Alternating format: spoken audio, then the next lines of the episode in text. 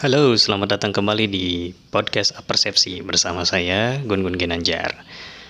Oke, kali ini kita akan membahas sebuah buku novel. Ini adalah sebuah karya dari penulis sang jenderal kata-kata, penulis asal Minang yaitu Jombang Santani Hairen atau mungkin lebih dikenal dengan nama pena J.S. Hairen. Buku novel yang akan saya bahas kali ini da, karya dari J.S. Hairen adalah Kami Bukan Sarjana Kertas. Ini adalah sebuah novel yang ketika awal peluncurannya sempat menjadi viral karena salah satu book trailernya sang penulis J.S. Hairen membakar ijazah sempat juga menjadi perbincangan. Nah, kami bukan sarjana kertas ini bercerita tentang tujuh orang pemuda yang tersesat dalam satu kampus bernama Kampus Udel, sebuah kampus swasta yang tidak terkenal, yang bahkan lokasinya pun tidak banyak diketahui gitu ya, sebuah kampus yang biasa-biasa saja bahkan kampus ini diceritakan hampir saja ditutup operasionalnya. Nah, tujuh orang pemuda ini adalah tokoh-tokoh utamanya, di antaranya adalah Randi, ada Ogi, kemudian Arko, kemudian Juisa, Sania, Gala, dan juga Cat gitu ya. Nah, tujuh orang pemuda ini masuk ke dalam kampus Udol dengan berbagai latar belakang yang berbeda-beda. Ada yang masuk karena memang dia kemampuan akademiknya atau kemampuan otaknya memang tidak mumpuni untuk masuk ke dalam ke kampus negeri gitu ya. Di sini ada Randi, ada Ogi yang memang berkali-kali sempat mencoba masuk kampus negeri tapi gagal yang kemudian mendorong mereka oke okay, ya udahlah masuk kampus udel ini aja gitu ya. Kemudian ada yang masuk kampus ini juga karena faktor ekonomi gitu ya karena kondisi keuangannya memang tidak memungkinkan untuk memasuki atau masuk ke dalam kampus yang swasta yang lainnya sehingga masuklah di kampus Udal ini.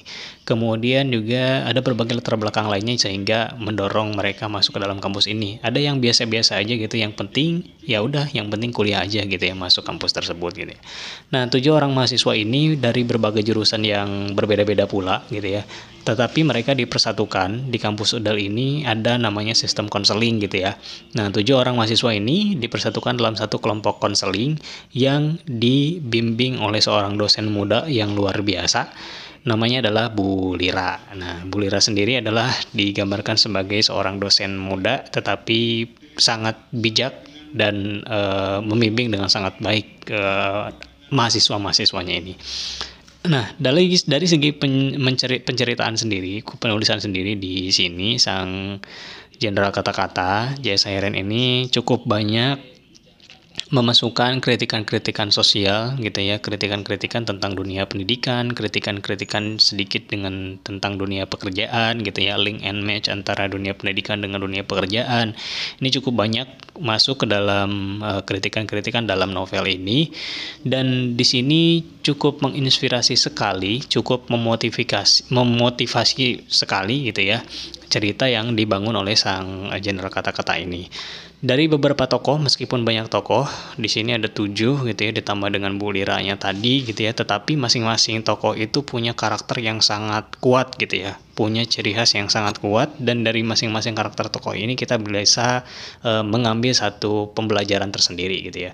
Dan J.S. Irene sangat apik sekali gitu ya dalam menceritakan setiap detail dari tokohnya sehingga kita juga sangat asik untuk mengikuti setiap cerita dari uh, tokohnya masing-masing gitu ya. Nah, Randi ini adalah seorang mahasiswa dia sangat ambisius sekali, dia sangat konsisten dengan mimpinya. Dia masuk ke dalam jurusan ilmu komunikasi, kemudian dia tidak muluk-muluk sebetulnya. Cukup mumpuni juga dalam bahasa Inggris, mungkin dari segi akademik cukup baik dibandingkan dengan kawan-kawan yang lainnya juga gitu ya. Nah, oh, Randi ini simple sebetulnya. Eh, target dia masuk kuliah itu ya kuliah kemudian dia punya nilai yang baik, lulus yang cepat gitu ya.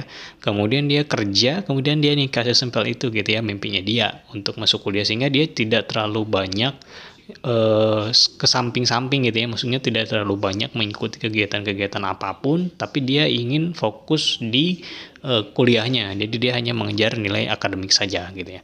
Kemudian ada Ogi. Di sini Ogi digambarkan sebagai seseorang yang secara kemampuan otaknya mungkin tidak terlalu bagus gitu ya. Tapi Ogi ini punya uh, bakat lain gitu ya, bakat tersembunyi yang justru dia berhasil secara uh, cepat menemukan bakatnya dia dan dia bisa sukses gitu ya.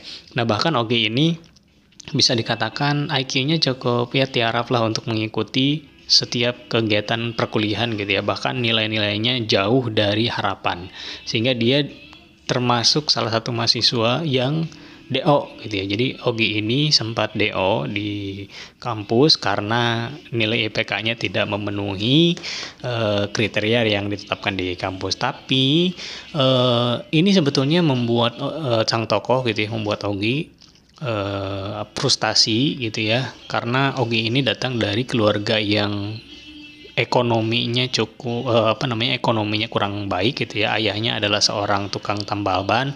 Bahkan ketika dia masuk kuliah pun babehnya eh, bapaknya ini harus pinjam uang untuk membayar uang kuliahnya Ogi ini gitu ya. Nah ketika Ogi uh, harus dinyatakan DO tidak bisa melanjutkan lagi kuliah karena nilainya tidak memenuhi kriteria gitu ya sempat frustasi. Di tengah kefrustasiannya dia ditambah lagi dengan kondisi keluarganya gitu ya. Nah, ayahnya, babenya yang seorang tukang tambal ban ini rumahnya kebakaran gitu ya. Bahkan membuat si ayahnya Ogi ini, si babenya e, meninggal gitu ya. Nah, ini sempat membuat dia sangat-sangat menghukum dirinya sendiri gitu ya Ogi ini karena merasa tidak berguna kemudian juga dia stres hampir saja bunuh diri gantung diri tetapi beruntungnya banyak sahabat-sahabat di sekitar dia termasuk dosennya dia gitu ya dosen pembimbingnya dia Bu Lira tadi yang terus mendampingi dia sehingga dia bisa diselamatkan dari rencananya untuk melakukan bunuh diri tadi gitu ya. Nah, setelah itu Ogi bangkit gitu ya dia punya hobi dalam bidang IT dia punya kemampuan dalam bidang IT akhirnya dia mencoba fokus untuk menggali kemampuan yang dia miliki. Sampai akhirnya dia bertemu dengan seorang mahasiswa dari kampus ternama lain ya kampus negeri beralma mater kuning gitu ya. Namanya adalah Miral gitu ya. Kemudian dia bertemu dengan uh, banyak uh, teman-temannya dari Miral ini gitu ya. Kemudian dia belajar tentang IT sampai akhirnya dia pergi ke Bali, kemudian dia menghadiri acara tentang uh, eh, IT gitu ya. Dan project IT-nya dia bisa diterima oleh salah satu perusahaan digital asal Amerika. Dan dia resmi di gabung ya bergabung dan diajak untuk bergabung dengan perusahaannya tersebut. Sampai dia berpindah ke Amerika dan bekerja di sana gitu ya sampai sukses. Nah jadi meskipun tanpa kuliah dia tidak melanjutkan kuliahnya tapi Ogi bisa membuktikan bahwa dia bisa mencapai kesuksesannya sendiri. Nah teman-teman semuanya dalam buku ini cukup menginspirasi gitu ya bahwa kita dalam sekolah ataupun kuliah ya itu sebetulnya tidak perlu mencari-cari. Bukan bukan masalah faktor kita sekolah ada di mana kita kuliahnya ada di mana. Tapi lebih kepada faktor kitanya sendiri mau seperti apa gitu ya.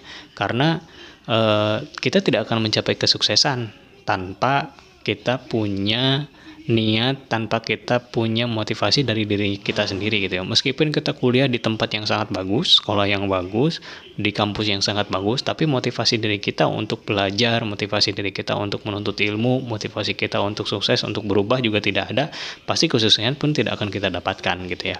Di sini banyak sekali inspirasi-inspirasi quote-quotes yang dibangun oleh sang penulis gitu ya.